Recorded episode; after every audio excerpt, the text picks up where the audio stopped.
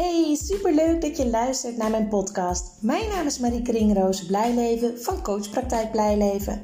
Ik ben motivatiespecialist voor tieners en hun ouders. In deze podcast geef ik informatie, inspiratie, tips en tools voor meer positiviteit in de puberteit. Het is namelijk mijn missie om het onnodig afstromen, dubleren en zakken voor het eindexamen terug te dringen in heel Nederland. Ik weet inmiddels uit ervaring dat als het contact tussen ouder en tiener positief is, dat dat direct effect heeft op het welbevinden en de schoolresultaten van een tiener. Een motivatieprobleem is namelijk een gevolg, geen oorzaak. Enjoy! Hey, goedemorgen allemaal. Ja, het is nu uh, vrijdagochtend. Het is heel vroeg. Het is kwart voor zes, want ik was net wakker geworden. Uh, omdat ik, als ik een drukke week heb, dan heb ik dat eigenlijk altijd dat ik heel erg vroeg wakker word. Dat er dan te veel, denk ik, in mijn hoofd zit, uh, onbewust wat opspeelt. En ik heb woensdag geen podcast uh, geplaatst, omdat ik zo druk bezig was met de online ouderavond die ik die avond ging geven. Want overdag ging alles mis wat je maar kan bedenken. En dat gewoon natuurlijk best wel even wat spanning en, uh, en stress. Uh, want er was een landelijke storing waardoor de website en mijn mail niet beschikbaar was. Mensen konden hun, het programma niet downloaden het programma waarop stond wat we, waar ik het over ging hebben, zeg maar. Ze kregen ook allemaal mailtjes dat mensen de Zoom-link niet hadden ontvangen. Um, dus dat was eventjes heel erg aanpoten. Dus vandaar dat er woensdag even geen podcast was. Maar ik wil jullie vandaag meenemen in een stuk van die ouderavond. Want in die ouderavond heb ik zoveel mogelijk het interactief gemaakt. Er waren uh, bijna 200 huishoudens uh, aanwezig via Zoom. En omdat er zoveel mensen zijn, is het toch altijd even puzzelen hoe je dat toch interactief kan maken. Nou, we werkten met Pols, maar die werkte op een of andere manier niet. Dus dat was ook eventjes balen. Maar we weten nu hoe we de volgende keer ervoor kunnen zorgen dat ze wel werken. Uh, maar we hebben wel via de chat uh, interactie gehad met de ouders. De ouders die zetten een vraag in de chat. En die ging ik dan op uh, vaste momenten in de presentatie beantwoorden. En ik wil jullie meenemen in die vragen en mijn antwoorden. Zodat jullie ook een beetje mee kunnen genieten van de ouderavond die ik toen heb gehad. Um, nou, een van de dingen die werd gezegd, um, is even kijken, is het ook zo dat jongens zichzelf vaak overschatten of onderschatten, ondanks eerdere ervaringen bij toetsen? Nou, ik vond dat een hele interessante opmerking of vraag. Want ik weet niet of het altijd met onderschatten of overschatten te maken heeft. Heel vaak is het zo dat jongeren vanaf de uh, basisschool de ervaring hebben dat ze zonder echt heel veel te hoeven doen, gewoon een voldoende kunnen scoren. En in klas 1 en 2 en heel soms de derde klas ook uh, van de middelbare school is dat nog steeds zo. Dan redden ze het met even doorlezen, even doornemen en dan scoren ze. En hier heb ik ook over verteld uh, in de podcast over een leerkuil. En die heb ik hier deze avond ook uitgelegd. Uh, dus die kan je nog eventueel terugluisteren als je dat interessant vindt. Um, dus het is heel vaak zo, ja, je kan het dan dus overschatten noemen. Dat ze denken dat ze doordat ze alleen maar lezen een voldoende kunnen scoren. Maar het heeft ook ermee te maken dat ze vanaf de vierde klas veel meer inzichtvragen krijgen.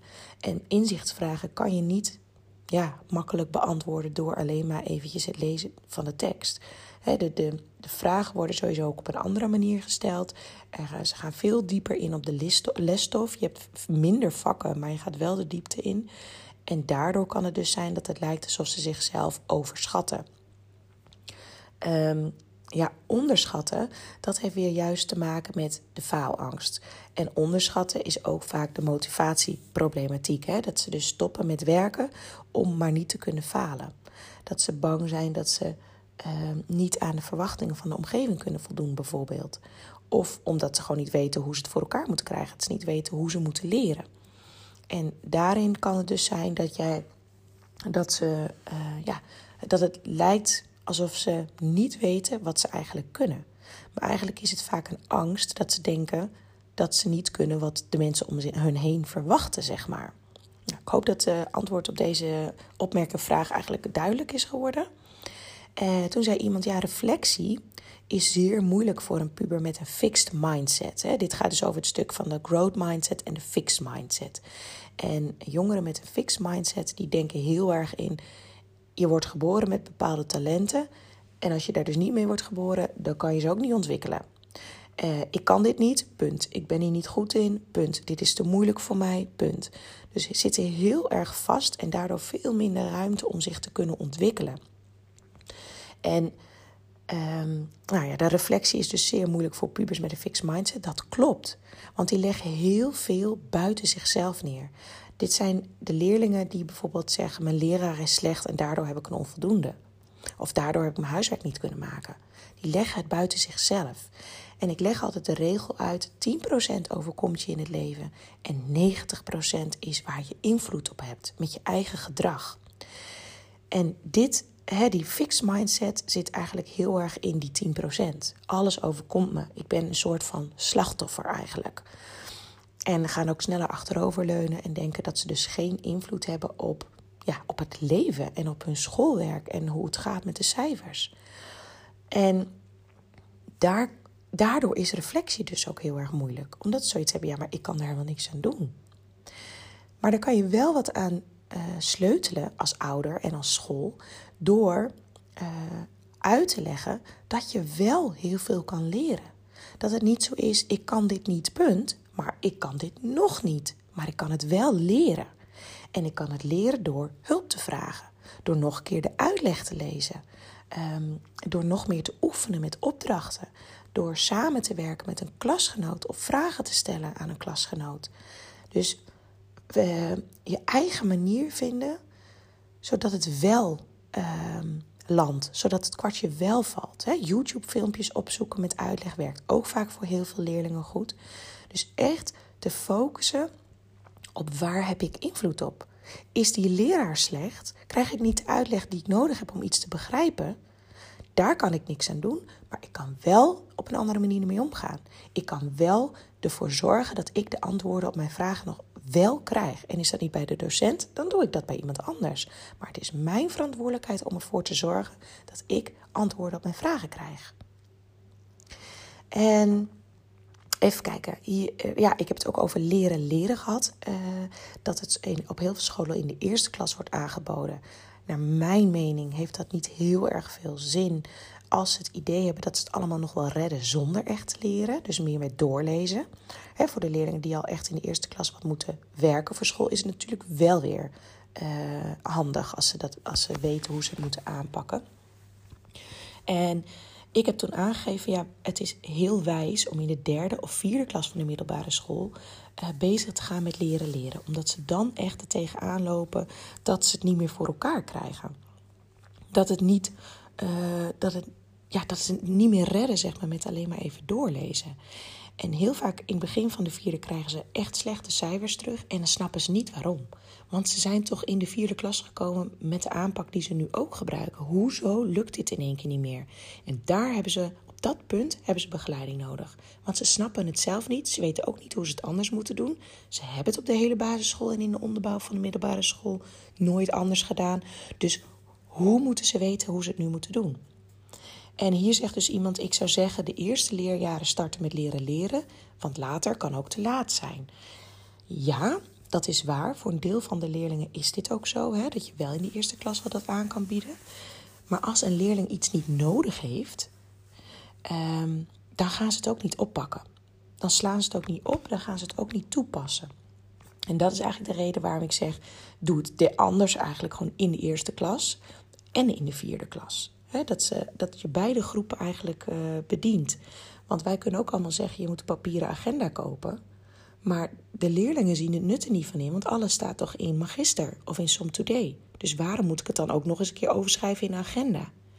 Zij snappen niet dat dat voor overzicht zorgt in Som of Magister moet je elk vak afzonderlijk aanklikken wat je nou eigenlijk moet doen. Nou is het ook nog op heel veel scholen zo dat het op verschillende plekken staat.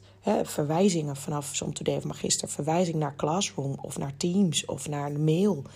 Ehm, dus dat zijn dingen dat als een tiener niet weet, niet ziet, niet begrijpt, uh, niet voelt waarom het belangrijk is, gaan ze er niks mee doen. Dus vandaar die opmerking. Um, ook nog een vraag als ouder aan de slag met leren leren? Of is er advies uh, om dat aan de school over te laten? Ja, dit is, dit is een vraag die eigenlijk per leerling anders beantwoord zou kunnen worden. Kijk, als jouw tiener toelaat dat jij helpt met leren leren en je weet ook als ouder hoe je uh, het leren leren aanpakt, dan kan je het natuurlijk ook zelf doen. In heel veel gevallen is het zo dat een tiener geen hulp van ouders wil. Ze willen loskomen van ons als ouders. Ze, ze willen ons helemaal niet nodig hebben. En met name de jongens hebben heel erg de behoefte om alles zelf te doen. Ook al lukt het niet, ze willen het allemaal zelf doen. Um, en ik zou zeker als school zijnde iets met leren leren doen. Maar dan wel voornamelijk in de derde klas, vierde klas is mijn advies, hè, wat ik net uitlegde. Um, je kan bij mij op mijn website op www.coachpraktijkblijleven.nl kan je ook gratis een e-book downloaden. Scoren op toetsen doe je zo. Daar staan allemaal tips in per vak. En dit is echt specifiek voor de bovenbouw. In de derde klas kan het ook al wel gebruikt worden, maar voornamelijk voor 4, 5 HAVO en 4, 5, 6 VWO. En dat zijn hele praktische dingen met websites en, en hoe je moet oefenen voor dat vak, hoe je moet leren voor dat vak. Want het verschilt natuurlijk per vak. Hè. Wiskunde leer je niet, wiskunde oefen je. Um, nou, dus dat is mijn advies. Eigenlijk hangt van het kind af of je het zelf kan doen en of je het zelf weet hoe het moet. Um, maar school zeker weten, die moeten er echt wel wat aan doen. Um, nou, er staat ook nog hier van, uh, heb je ook nog een tip hoe om te gaan met deze situatie? Maar wat zeur je nou? Een 5,5 is toch gewoon een voldoende? Nou, deze vond ik ook heel herkenbaar, ook hier thuis bij mij. Um, ze hebben ook gewoon gelijk. Een 5,5 is ook voldoende. Maar een tiener die leeft heel erg in het hier en nu. En die denkt, ja, een 5,5 is een voldoende. Wat zitten jullie nou moeilijk te doen? Het is toch een voldoende? En hij heeft helemaal gelijk. En wij als ouders denken verder vooruit. Wij denken, ja, een 5,5, dat is net een voldoende. Je hoeft maar één lager cijfer ernaast te halen en het is 5,4 en je hebt een tekort. En als je allemaal 5,5 gemiddeld staat, dan ben jij binnen no time ga je onderuit als het even wat minder gaat, omdat je helemaal geen compensatie hebt. Nou, en deze uitleg kunnen wij ze meegeven. Want ze hebben gelijk, een 5,5 is een voldoende. Maar het is wel een risicocijfer. Hè? Je gaat veel sneller naar de onvoldoende dan als je een 6,5 of een 7 staat. Dus ik vond dat ook een hele mooie, mooie vraag. Um, nou, hier staat ook nog: uh, heb je ook tips voor de sociale verbondenheid tijdens het thuisonderwijs? Nou, die is inderdaad, dat is een hele belangrijke en ook tegelijk een ingewikkelde. Voor de sociale verbondenheid tussen ouder en tiener is het sowieso heel erg belangrijk om quality time momenten in te plannen met je tiener. Gewoon even naast hem of haar te gaan zitten, te kletsen, even mee te kijken als ze aan het gamen zijn of filmpjes aan het kijken zijn. Um, samen een leuke film kijken, uh, samen een wandelingetje maken of de hond uitlaten. Het gaat om die kleine dingen. Uh, ik denk dat deze ouder voornamelijk bedoelt met vrienden. Um, ja, ik zou echt als tip geven: zorg dat ze af en toe even met een vriend of vriendin afspreken. En uh, desnoods een rondje wandelen of een rondje fietsen, een rondje mountainbiken. Ehm, dat is toch net even weer anders dan het allemaal alleen maar via de telefoon te doen. En dit is ook wat ik heel erg in mijn praktijk merk: dat het tieners heel erg helpt om toch af en toe met één vriend of vriendin af te spreken en gewoon even lekker naar buiten te gaan. Uh, de volgende vraag: heb je ook tips over hoe om te gaan met uitstelgedrag van de puber? Zelfs naar ervaring dat niet uitstellen beter werkt, blijft uitstelgedrag er toch. En dit is ook een mooie, want um, Misschien herkennen jullie het wel dat je tiener de hele tijd alles vooruitschuift. Hè? Nogmaals, tieners denken heel erg in het hier en nu. Dus die denken, nu heb ik geen zin in school. Ik weet niet hoe ik eraan moet beginnen. Uh, ik heb de motivatie niet. Ik heb nog meer tijd. Dus de oplossing voor dit moment is het niet nu doen en vooruitschuiven. Dan zit ik niet in de worsteling hoe ik het moet aanpakken en dergelijke. Maar dan ben ik gewoon vrij. Dan kan ik gaan gamen of andere dingen gaan doen. Ehm, dus dat is het eerste. Wij zien uitstelgedrag heel anders natuurlijk. Hè? Wij denken als je nu wat doet, dan heb je er straks profijt van. Want dan kan je het herhalen en dan heb je het op tijd voorbereid. Heb je geen stress, dan wordt het niet op het laatste moment veel te veel. Zo denken tieners helemaal niet. Dus zij hebben ons als ouders om te helpen vooruit te denken. Om uh, te bedenken, um, of om, om te vragen bijvoorbeeld van... oké, als je het nu niet doet, wanneer ga je het dan doen? Want je hebt nu nog twee dagen of drie dagen, of misschien nog een paar uur. Hè, dat kan ook. Dat ze dezelfde dag of op de dag dat ze iets moeten doen, het toch nog vooruitschuiven. Um, maar zo denken zij niet. Dus zet het puberbrein aan door vragen te stellen. En de ervaring die zij hebben dat uitstellen niet werkt, hoe ga je daarmee om als ouder? Als zij de avond voor bijvoorbeeld de toets opeens in paniek raken en de toets moeten leren en nog niks hebben gedaan en het blijkt zoveel te zijn en het blijkt moeilijk te zijn, hoe handel jij dan als ouder? Ga je dan ernaast zitten en red jij eigenlijk je kind door op dat laatste moment toch nog volledige aandacht te geven, zodat hij de, nou ja, het uiteindelijke, de toets uiteindelijk toch nog met een voldoende, misschien een magere voldoende, um, afsluit? Of zeggen: Sorry, het is nu mijn vrije avond. Ik heb je drie of vier keer een herinnering gegeven. Nu ben je te laat. Dit is het gevolg van jouw uitstelgedrag. Als een tiener die psychische pijn voelt op dit vlak, zal hij ervan leren. Als wij als ouder gaan redden, waardoor ze eigenlijk dus niet geconfronteerd worden uh, ja, met het uitstelgedrag, zullen ze er ook niet van leren en zullen ze het volgende keer weer zo doen. Want wij als ouders leren ze hiermee. Uitstellen is niet zo erg, want ik red je wel op het eind. Ik help je wel en dan komt het allemaal nog goed. Snap je? Dus ik vond dit ook een hele mooie vraag. Want dit, ja, ik, ik strap zelf ook nog steeds af en toe in deze valkuil. Want we vinden dan toch sneu als ons kind het niet zo goed maakt. En we vinden het toch wel weer belangrijk dat ze een voldoende halen. Dus ja, voordat we het weten zitten we alweer eh, de boel te redden. Hè? ja, iemand zei ook van ja, ik hoor heel veel uitleg. Heb je ook tips om uh, ons kind te helpen veel meer in de 90% te denken? Dus hè, het eigen initiatief te nemen en de verantwoordelijkheid te nemen, dan alleen maar in de slachtofferrol, hè, die 10% te zitten. Ja, dat heb ik zeker. En eigenlijk heb ik dat net ook een paar keer al genoemd. Dat het heel belangrijk is om je puber te helpen om te groeien naar die growth mindset. Dus ik kan het nog niet, maar ik kan het wel leren. En als dit niet genoeg uitleg is, wat heb ik dan nodig om het wel te begrijpen? Ik ga niet achteroverleunen en anderen de schuld geven, maar ik ga kijken wat ik kan doen. Dus vragen stellen. Oké, waar loop je tegenaan? Waar kan jij niks aan doen? En waar kan je wel wat mee doen? En welke acties passen daarbij? Dat is eigenlijk wat je als ouder kan doen. En als ze het zelf moeilijk vinden om die acties te bedenken, dan kun je meedenken. En dan uh, niet alles voorzeggen, hè, want ze moeten zelf ook nadenken. Maar je mag best wel helpen. Uh, en, hun uh, op ideeën brengen, zeg maar. Um, nou, de volgende is afspraken over schermpjes moeten ook nagekomen worden of bewaakt worden. Dat zorgt voor onrust. Ik voel me de boeman, een agent. Bovendien, wat is een goede norm? En dit is eentje waar heel veel ouders ook mee worstelen. En het is natuurlijk zo, als je afspraken maakt, dat het bewaakt moet worden of nagekomen moet worden. De vraag is alleen, hoe heb je als ouder afspraken gemaakt met je tiener?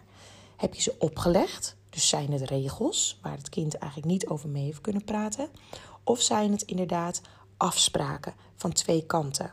Dus heeft je kind ook mogen meedenken over de afspraken?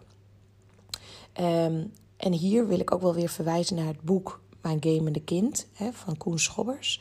Uh, daar is ook een interview van. Die heb ik ook. Uh, of een, een, podcast van met een interview met hem. Hij geeft hier heel mooie tips over. Uh, want eigenlijk is het heel mooi als je van tevoren afspraken maakt met je tiener. en dan dus samen bedenkt welke afspraken dat moeten zijn. En wat als je die afspraak niet nakomt als tiener of als ouder? Wat is dan de consequentie? En laat je tiener daar ook zelf over nadenken. Want als hij dan de afspraak niet nakomt, weet hij al wat de consequentie is. Hij heeft hem tenslotte zelf bedacht.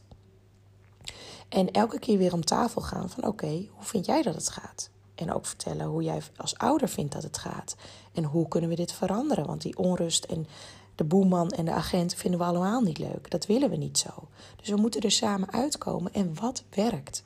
En dat is een beetje geven en nemen.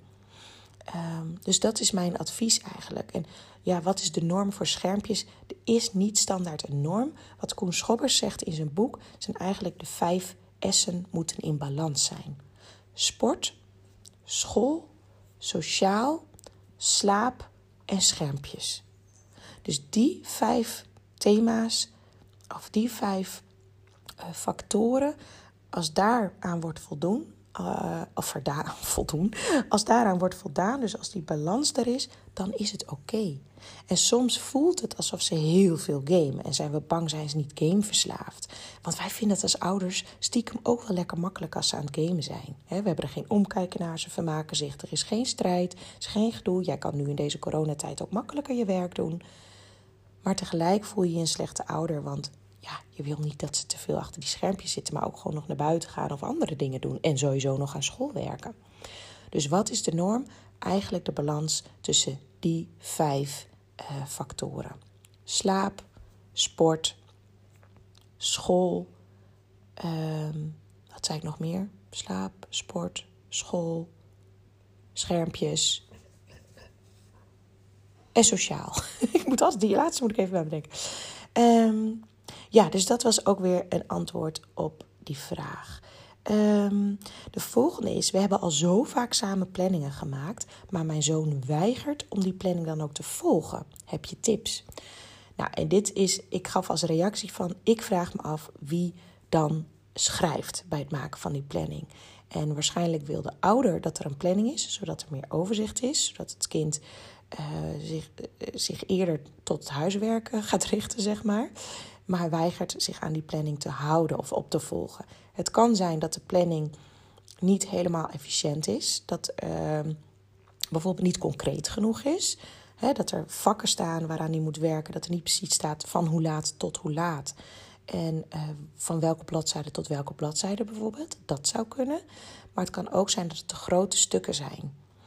Um, dat het veel kleinere stukjes moeten zijn om zich ertoe kunnen zetten. Uh, het kan ook zijn dat het hem gewoon niet lukt om eraan te houden. En dat hij daardoor een stok achter de deur nodig heeft. Uh, dat iemand die meekijkt, bijvoorbeeld een mentor of huiswerkbegeleiding of iets dergelijks.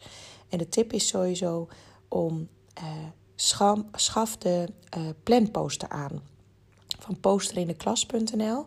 Dat is een geclassificeerde poster van een maand. En dan kan je het huiswerk, de SO's, de schriftelijke overhoringen en de proefwerken kan je daar opschrijven. En heb je in één blik, zeg maar, heb je een overzicht wat er allemaal aan zit te komen. En nou ja, dat is, dat is nog niet eens zozeer een planning van wanneer ga je wat doen, maar wel wat er allemaal aankomt. En dat werkt ook al in ieder geval beter dan helemaal niks. Ehm, er zijn ook kinderen die letten op zich. Uh, die letten zich niet in kaders te zetten. Dus die kinderen die zich niet binnen grenzen wil houden, ongeacht de gevolgen. Ja, en dat is eigenlijk weer hetzelfde antwoord op de vraag die ik um, net vertelde. Of uh, antwoord dat ik net gaf over die schermpjes hè, en het nakomen ervan. Het is belangrijk om sowieso in contact te blijven met elkaar hierover. Hè, als ze zich er niet aan houden, dan kan het best wel zijn dat zij de uh, regels bijvoorbeeld onredelijk vinden. Dat zij uh, ja en amen zeggen op de afspraken, terwijl ze er helemaal niet mee eens zijn, maar weten dat ze bijvoorbeeld geen stem hebben hierin en dat de ouders toch beslissen en uh, in hun ogen te streng en onredelijke regels hebben opgelegd. En dan houden ze zich er niet aan. Als je echt je kind serieus neemt en inbreng laat geven over de regels en geven en nemen, hè, dus niet alles alleen maar van de ouders uh, naleeft, maar ook de, het kind ruimte geeft hè, om uh, een stuk van zijn inbreng op de lijst te zetten, om maar even zo te zeggen. Eh, dat je samen de kaders neerzet en samen afspreekt wat de consequenties zijn. Ik heb een aantal ouders in begeleiding gehad en die zeiden van, eh, nou ja, de consequentie was telefoon inleveren en dat was ook helemaal akkoord. En zodra mijn tiener de mist inging of over de grens was gegaan, gaf ze eigenlijk uit zichzelf de telefoon af.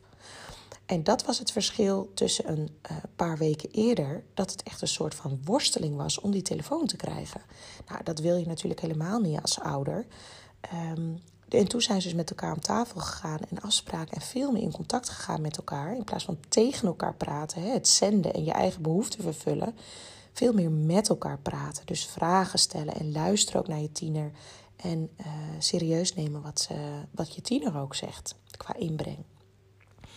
Uh, dus dat is echt mijn tip op, op dit vlak. Als ze niet luisteren, neem dan met elkaar even de afspraken en de regels onder de loep. Hè? Met je tiener samen. En heb het er met elkaar over. En praat met elkaar. Nou, de andere vragen zal ik in de andere podcast uh, nog verder beantwoorden.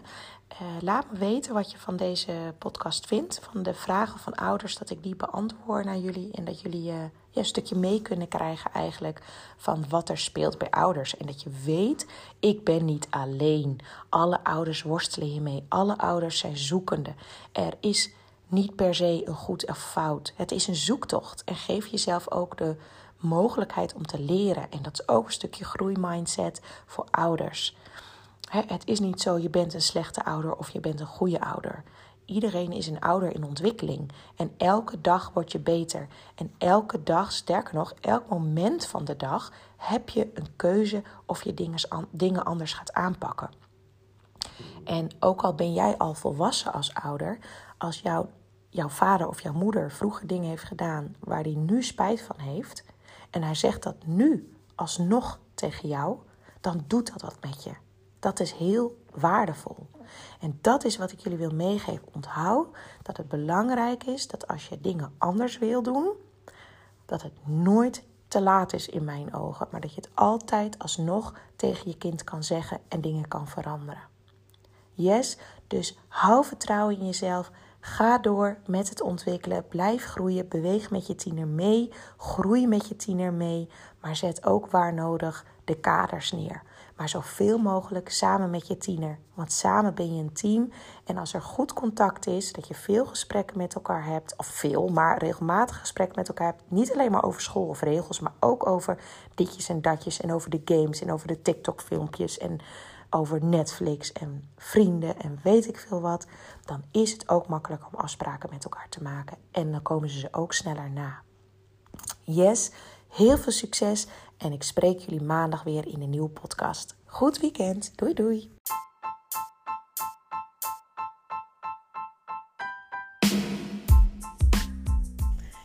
Dit was weer de aflevering van deze podcast. Ik hoop dat je het leuk hebt gevonden, dat je er veel informatie, tips en inspiratie uit hebt kunnen halen.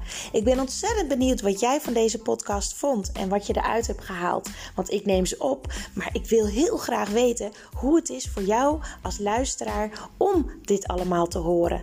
Wil je mij dat laten weten via een persoonlijk berichtje? Dan vind ik dat hartstikke leuk. Wil je andere ouders motiveren, stimuleren? En inspireren met deze podcast, deel het dan op social media. En wil je mij contacten? Dat kan via www.coachpraktijkblijleven.nl. En wie weet spreken we elkaar snel. Fijne dag!